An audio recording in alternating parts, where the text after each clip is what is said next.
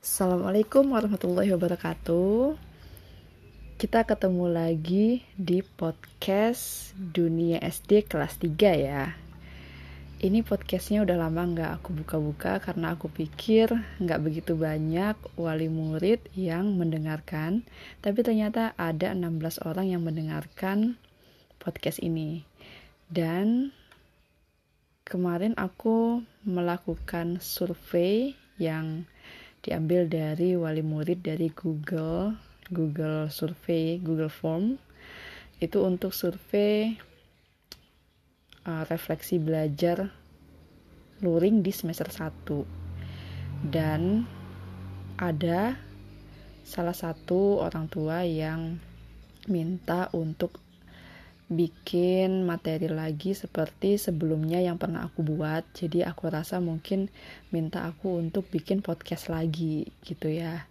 Nah, jadi aku mau bikin podcast tapi aku masih belum bisa mungkin untuk maksimal selalu bikin mungkin belum bisa tapi bisa aku usahain untuk bikin materi sedikit-sedikit di podcast. Tapi ketika aku mungkin tidak bisa untuk bikin podcast selalu, uh, ibu bisa lihat di YouTube atau mungkin hmm, sumber-sumber um, lain yang bisa memenuhi belajar di rumah. Nah, tapi untuk hari ini aku mau bacain hasil dari survei Google Form itu tentang hmm, refleksi belajar di rumah. Nah, tapi aku nggak akan bacain dari siapa-siapanya, tapi kita lihat aja apa hasil dari mereka. Nah, di sini ada berapa orang? Ada 24 tanggapan yang ngisi surveinya uh, siswa di kelas aku itu ada 31 berarti sebagian besar sudah melakukan uh, survei ini. Nah di situ ada pertanyaan. Orang tua menyediakan waktu belajar minimal 2 jam setiap harinya. Di situ 50% menjawab iya, 50% menjawab tidak tentu. Ya, jadi kita tahu bahwa belajar di rumah itu kadang-kadang anak-anak ini suka suka-sukanya gitu, kadang males, tapi kadang-kadang banyak juga yang semangat untuk belajar. Nah, belajar di rumah itu juga kadang-kadang kita nggak tahu harus gimana, kadang-kadang kita merasa sudah cukup ya sudah nggak nyampe dua jam, atau mungkin merasa banyak yang harus dipelajari jadi lebih dari dua jam nggak masalah. Bagaimana nyamannya kayak gitu. Tapi kalau saya langkah lebih baiknya belajar itu minimal minimal sekali itu dua jam. Kalau lebih nggak masalah gitu. Nah terus bisa disediakan waktu untuk belajar sesuai dengan kesepakatan anak. Ya fungsinya untuk anak bisa bertanggung jawab dengan kesepakatan itu. Terus pertanyaan kedua adalah siswa belajar didampingi oleh siapa aja nih?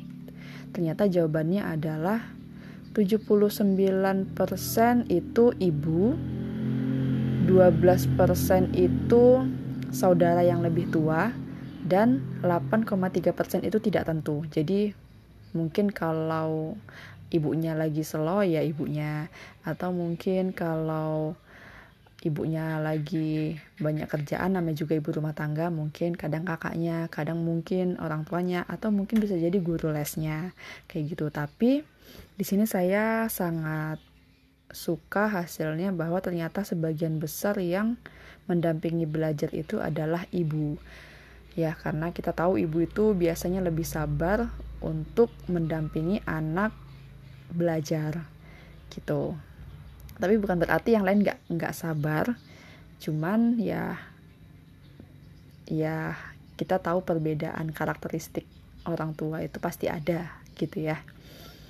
Tapi itu tidak menjamin itu selanjutnya siswa mengerjakan tugas secara nah 87% itu dibantu jika mengalami kesulitan oke? okay?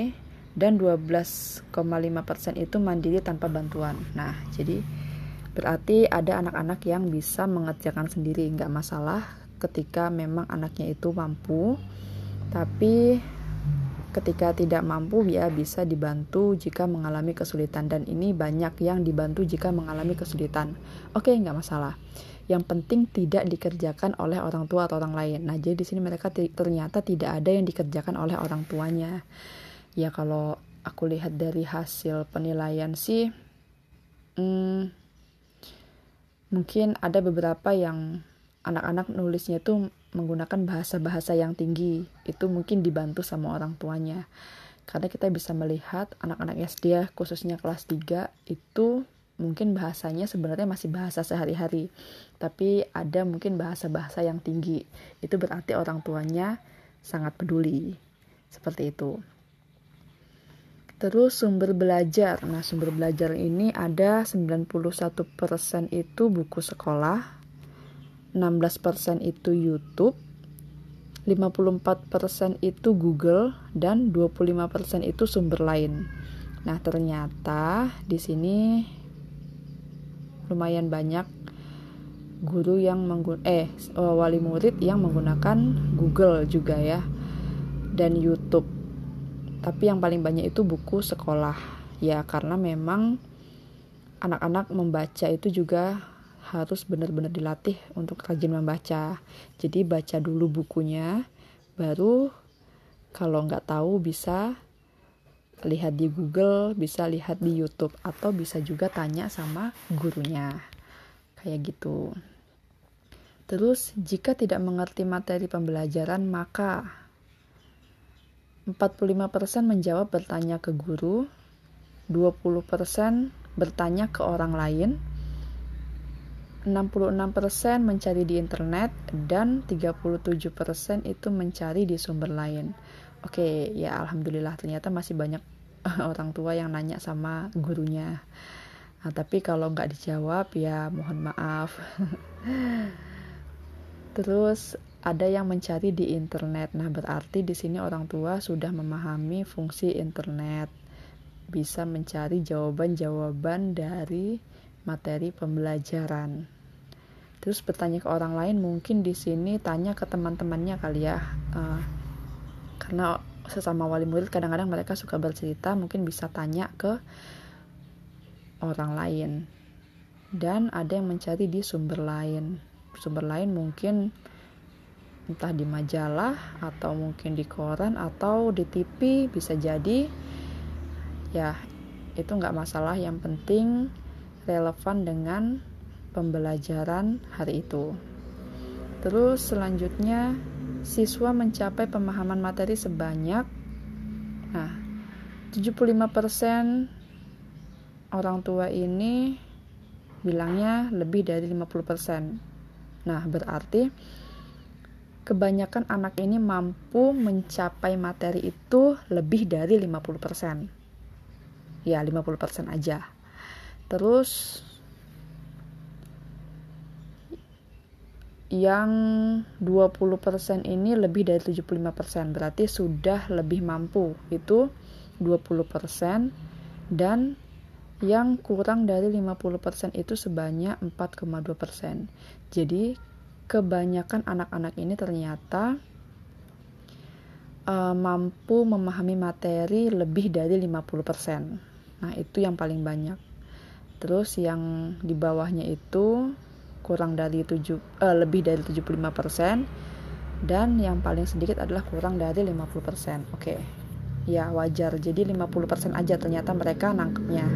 Karena memang pembelajaran jarak jauh ini sangat terbatas gurunya mungkin tidak bisa menjelaskan secara maksimal, cuma bisa dari buku pelajaran dan YouTube atau internet atau video-video yang dibuat oleh guru.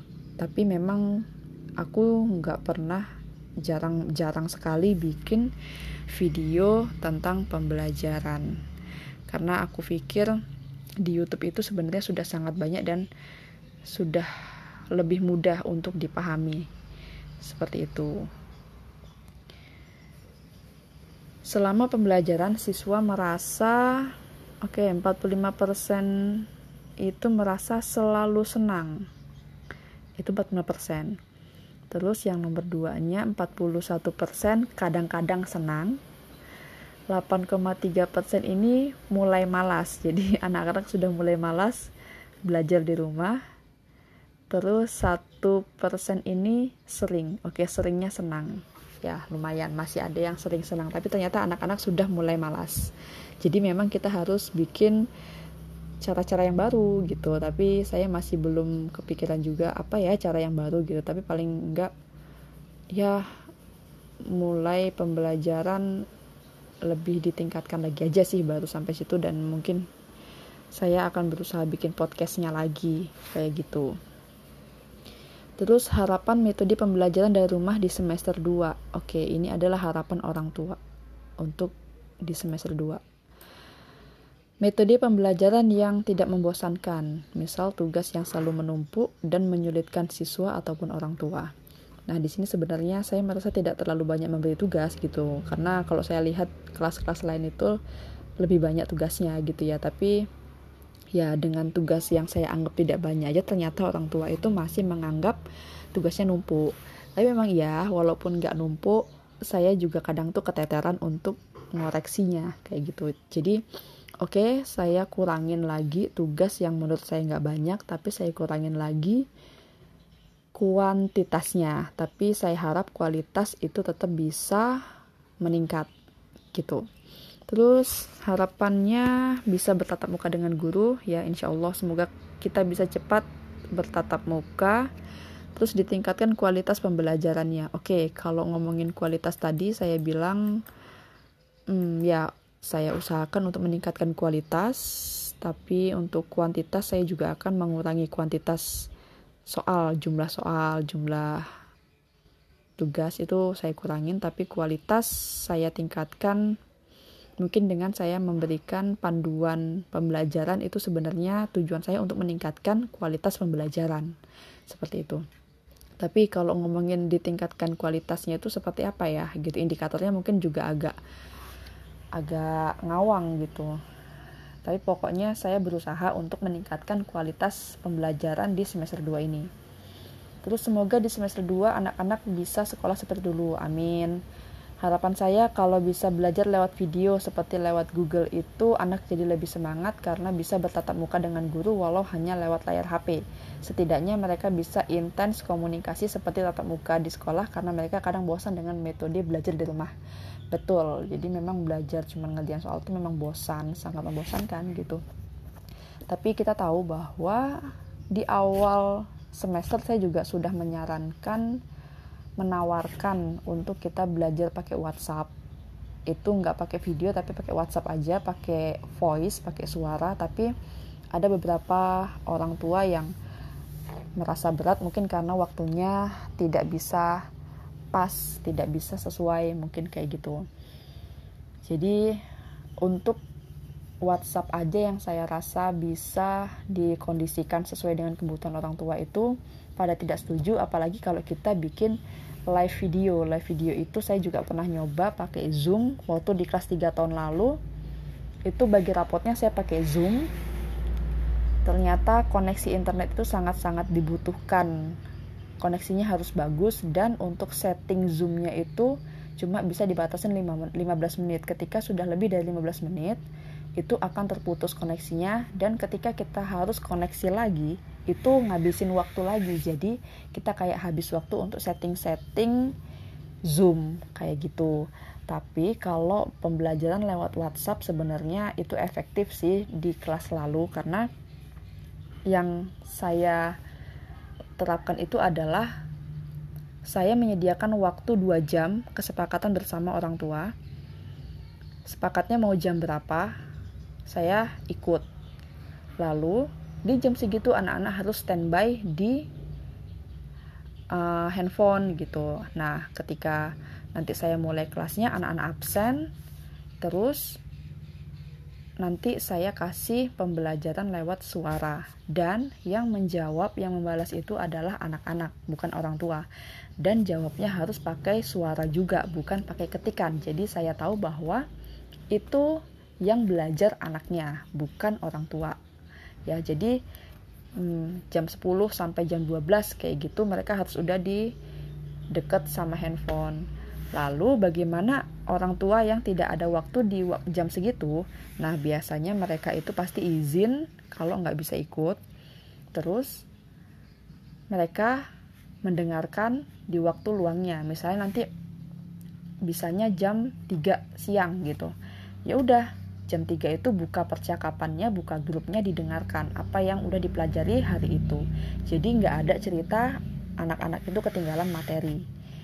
Walaupun tidak bisa ikut saling merespon, tapi dia tetap bisa mendengarkan penjelasan dari saya. Seperti itu. Jadi sebenarnya pembelajaran via WhatsApp yang saya tawarkan itu lebih fleksibel dan bisa diikuti ketika orang tua itu tidak ada waktu dan mereka senang gitu. Mereka lebih aktif karena saya minta mereka merespon. Misalnya saya buat perkalian 6 kali 7 42 mereka jawab cepat-cepatan. Jadi mereka senang kayak gitu. Jadi itu lebih aktif anak-anaknya. Tapi saya nggak tahu ini kemarin saya tawarin pada menolak jadi saya nggak bisa nggak bisa melakukan itu di kelas 3 yang sekarang tapi saya mana tahu setelah mendengarkan ini orang tua suka setuju ya nggak masalah saya akan melakukan pembelajaran yang seperti itu juga kayak gitu ya Terus selanjutnya harapannya agar anak murid bisa bertatap muka secepatnya. Amin. Semoga anak-anak tetap semangat terus dan giat belajar walaupun pembelajaran dari rumah. Amin. Saya juga berharap seperti itu. Tetap semangat. Tatap sekolah, tatap muka di sekolah. Amin. Semoga pembelajaran maupun pembela semoga pembelajaran maupun pembela pelajaran untuk ke depannya bisa lebih mudah dipahami oleh orang tua maupun anak-anak. Ya, yang namanya pembelajaran itu pasti tidak dipahami sama anak-anak. Tapi kalau orang tua saya rasa orang tua itu lebih akalnya itu lebih lebih gitu loh daripada anak-anak. Jadi ketika orang tua ini tidak paham, orang tua bisa tanya ke gurunya atau tanya cari di internet kayak gitu. Jadi jangan menganggap bahwa saya orang tua yang tidak paham, tapi saya orang tua harus lebih paham daripada anak saya. Ketika saya tidak paham, saya harus bagaimana gitu. Ketika saya tidak paham, saya harus apa? Tanya sama gurunya kah atau cari di media yang lain, cari di sumber-sumber yang lain. Seperti itu. Ya, karena yang namanya pelajaran itu memang tidak mudah. Anak-anak tidak akan paham kecuali didampingi oleh orang dewasa.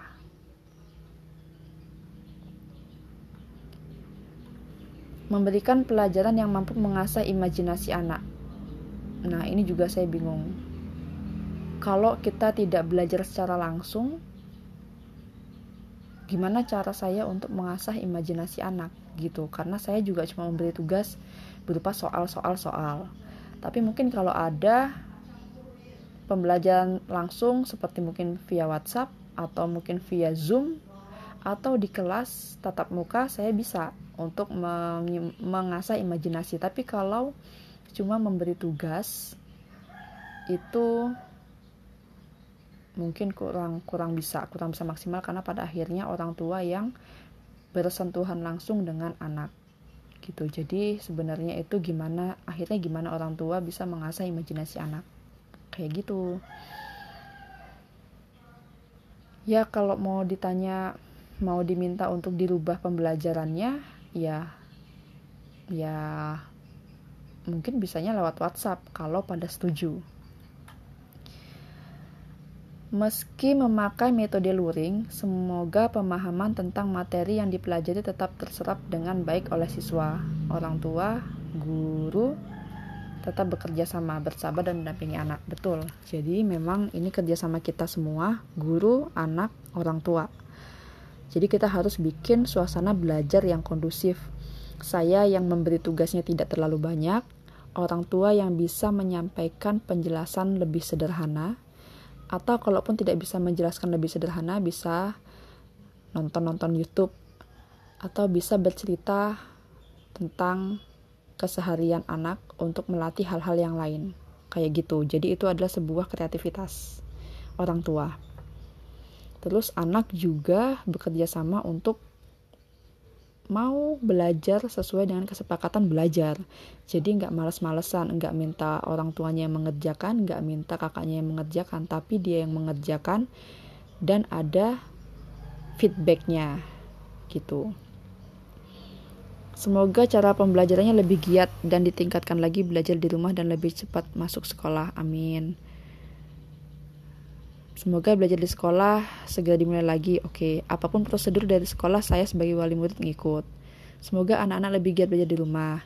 Memberi tugas yang dapat mengasah kreativitas anak. Oke, sama kayak tadi. Paham, agar lebih paham, lebih baik, lebih efektif lagi. Oke.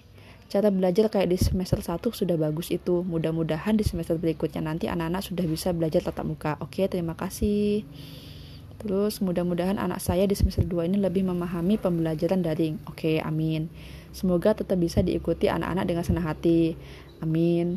Pembahasan pembelajaran di semester 2 ini modul yang diberikan di rumah harus lebih terperinci dan dipahami orang. Nah, itu tadi.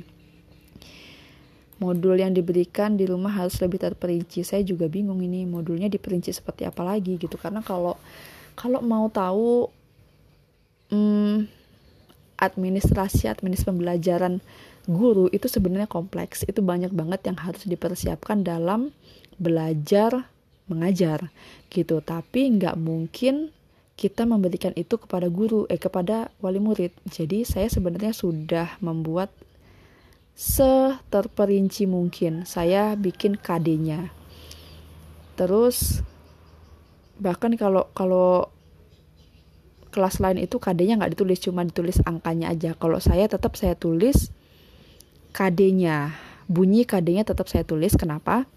Karena buat saya itu sebuah tujuan bahwa orang tua itu paham oh ternyata di pelajaran matematika ini yang dipelajari adalah ini.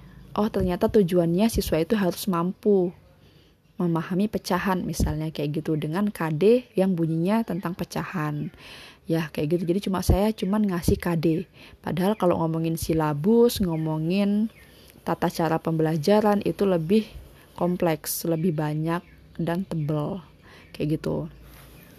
Jadi apa yang bisa saya lakukan? Ya saya bikin panduan pembelajaran di rumah itu sebenarnya juga untuk meningkatkan kualitas pembelajaran di rumah. Mungkin yang tadinya itu nggak menyediakan waktu dua jam mungkin belajarnya cuman yang penting ngerjain tugas ya sekarang coba di kondusifkan lagi kondusifkan lagi waktu belajarnya dan tata cara belajarnya. Terus kita latih lagi apa yang mau dicapai apakah itu disiplinnya atau tanggung jawabnya atau spiritualnya dia berdoa salam bersyukur. Nah itu yang bisa kita bangun di masa-masa sekarang ini. Kalau kita mengharapkan nilai seperti biasa, nilai angka, nilai 10, 100, 90 itu mungkin susah, nilai materi pembelajaran itu mungkin susah. Tapi kalau kita mau ambil membangun karakter itu mungkin bisa. Tapi kembali lagi ke orang tua, ini orang tua bisa nggak membangun yang seperti itu. Nah, agar orang tua mampu membangun karakter yang seperti itu jadi saya berikan panduan belajar dari rumah. Jadi saya memberi panduannya orang tua yang melakukannya seperti itu. Nah sebenarnya panduan belajar dari rumah itu kalau guru-guru bilangnya RPP rencana pembelajaran. Ya jadi itu kalau kita di kelas itu pakai RPP seperti itu Nah, itu akhirnya saya kasih ke orang tua disesuaikan dengan belajar dari rumah. Kayak gitu. Terus saran bagi guru bisa memberi penjelasan dengan murid karena kalau dengan orang tua murid menerimanya yang berbeda-beda betul jadi uh, macam-macam pendapat dari orang tua kalau saya mengoreksi soalnya nah tapi ya itu tadi melalui apa gitu Oke, ini pertama saya bikin podcast semampu saya. Kalau memang nanti orang tua ada yang mau untuk belajar di WhatsApp, saya juga akan memberikan pelajaran di WhatsApp dengan sistem yang sama seperti tahun lalu. Tidak ada saran buat ibu karena Bu Retno sudah bertanggung jawab terhadap anak didiknya. Seumpama orang tua wali murid Bu Retno langsung tanggap. Seumpama orang tua wali murid Bu Retno langsung tanggap. Oke mungkin maksudnya kalau ada orang tua yang tanya saya langsung tanggap. Oke terima kasih. Untuk semester 2 ini belum bisa tatap muka. Mungkin belajar lewat aplikasi seperti yang pernah Bu Retno buat. Bisa membuat anak-anak sedikit lebih belajar. Nah mungkin ini podcast. Jadi saya bikin Coba dikomunikasikan lagi dengan para orang tua, bisa tidak kalau seandainya belajarnya lewat video. Nah, itu tadi, mungkin saya bisanya belajarnya lewat WhatsApp aja kali ya. Kalau video lebih susah. Tidak ada saran. Terus habis itu semoga ada tambahan buku materi yang lengkap. Jadi kalau ngerjain tugas dari sekolah gampang untuk membahasnya. Ya, sebenarnya sekarang itu banyak banget materi-materi dari Google gitu banyak. Kalau mau buku ya kita sebenarnya menyediakannya itu ya buku tema aja gitu. Sedangkan LKS itu kan sebenarnya bukunya beli sendiri, bukan disediakan dari sekolah. Karena yang dari sekolah itu memang cuma buku tema. Kalau memang ibu mau lebih banyak sumber belajar berarti beli sendiri kayak gitu karena sekolah itu memang tidak bisa memberikan banyak buku kecuali ibu mau pinjam di perpustakaan. Di perpustakaan itu pasti banyak buku-buku yang relevan. Tapi kadang-kadang orang tua pasti bingung kalau bukunya terlalu banyak. Apalagi kalau di buku di perpustakaan itu buku-buku zaman dulu. Kalau sekarang kita udah ke 13 tapi nggak masalah kalau memang mengharapkan sumber belajar itu sebenarnya ada banyak sekali bisa pinjam di perpustakaan atau bisa cari di internet atau bisa beli di toko-toko buku yang menurut ibu butuh untuk perkembangan anak. Kayak gitu. Lebih bisa memberi penjelasan agar anak bisa memahami. Ya mungkin ini bisa lewat WhatsApp tadi ya atau mungkin lewat podcast. Semoga lebih sabar menghadapi sikap maupun sifat orang tua murid yang sering bertanya karena ketidaktahuannya maupun kekurang pahaman tentang materi yang diberikan dan mungkin kadang sering menjengkelkan serta tak ingat waktu kapan waktu yang tepat untuk bertanya. Oke. Okay. Ya, saya berusaha untuk sesabar mungkin tapi saya juga minta maaf kalau mungkin saya terlihat menjengkelkan. Ya, sama-sama minta maaf, sama-sama maafkan. Oke. Okay. Sekarang sudah baik, tapi mudah-mudahan ke depannya jauh lebih baik lagi. Amin. Kalau bisa, tugas per mata pelajaran dalam satu minggu satu aja. Dan jabaran materi masih ada dalam buku paket atau LKS. Oke, jadi sudah saya lakukan. Kemarin cuma saya kasih tiga. Tiga mata pelajaran aja sama ulangan ya. Terus harapannya biar cepat masuk sekolah. Dengan adanya perubahan sistem belajar mengajar agar guru dapat lebih meningkatkan kualitas mengajarnya ya saya usahakan jika mungkin membuat contoh video untuk pelajaran matematika. Ya benar, jadi matematika ini kalau nggak langsung itu agak payah. Tapi ya kalau nggak bisa ya bisa lihat di YouTube. Atau kalau minta saya, oke okay, bilang aja di grup, Bu minta tolong jelaskan video matematika yang ini ya gitu minta aja di grup nggak masalah nanti saya bikinkan Terus sebaiknya guru juga membantu orang tua siswa cara pembelajaran di rumah. Maaf kalau saran saya kurang sopan. Oke, saya bantu dengan saya membuatkan panduan belajar dari rumah gitu. Lebih kreatif ke depannya. Ya, itu yang masih jadi PR. Menerapkan membimbing agar murid lebih paham, mengerti. Membimbing menerapkan agar murid lebih paham. Oke mengajar muridnya dengan baik. Oke, soalnya saya juga belum pernah ngajarin muridnya gitu loh. Soalnya lebih mudah dipahami agar orang tua lebih mudah mengajari anaknya. Saya juga bingung sebenarnya soal yang mana yang nggak bisa dipahami. Tapi oke, okay, kembali lagi kadang-kadang mungkin orang tua tuh pernah bilang, iya pemahaman orang tua ini kan beda-beda. Mungkin buat ibu itu paham, tapi orang lain belum tentu paham. Jadi mungkin dari situ orang tua males nanya, gitu bisa jadi. Ya, hmm, kadang saya tuh sebenarnya udah baca berkali-kali hmm, apa ya yang kurang paham gitu loh. Jadi emang kadang-kadang saya bingung gitu apa yang kurang paham gitu. Tapi nggak masalah. Hmm, ya semoga besok ke depannya saya bikin soalnya itu lebih mudah dipahami. Saya usahakan. Sebaiknya kalau anak-anak mengerjakan tugas di rumah jawabannya dikerjakan di buku aja Bu Retno. Sebab kalau di kertas lembarannya kan mudah hilang. Jadi kalau hilang kan nggak bisa buat belajar lagi. ya jadi sebenarnya kenapa nggak usah di kertas eh nggak usah di buku? Hmm, ya sebenarnya sih lebih rapi untuk di buku bener. Dan nggak hilang juga bener. Tapi kadang-kadang saya itu terlalu banyak numpuk buku di meja itu memang itu terbatas bikin saya tuh nggak bisa gerak gitu loh. Jadi kayaknya tugas sudah terasa numpuk banyak gitu.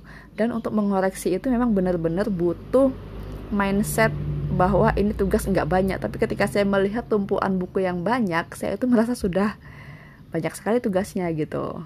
Ya tapi oke okay lah nggak masalah. Ya mungkin nanti ke depannya bisa ditaruh di buku. Tapi saya juga kan sudah memberi uh, memberi solusi untuk ditaruh di map gitu. Taruh di map itu bisa disimpan gitu. Yang penting nggak dibuang-buang gitu. Karena anak-anak tahun lalu pun saya suruh untuk di map saya belikan map taruh di map jadi nggak hilang kayak gitu dan kadang-kadang saya tuh juga ngoreksinya lama jadi ketika nanti bukunya itu banyak numpuk semakin banyak gitu kalau nggak sempet ngoreksi Terus saya harap kepada guru jangan ngasih pelajaran yang susah karena anak kami belum paham kali tentang pelajaran. Jadi tolong Bapak Ibu ngasih pelajaran kepada anak kami yang mudah dipahami saja.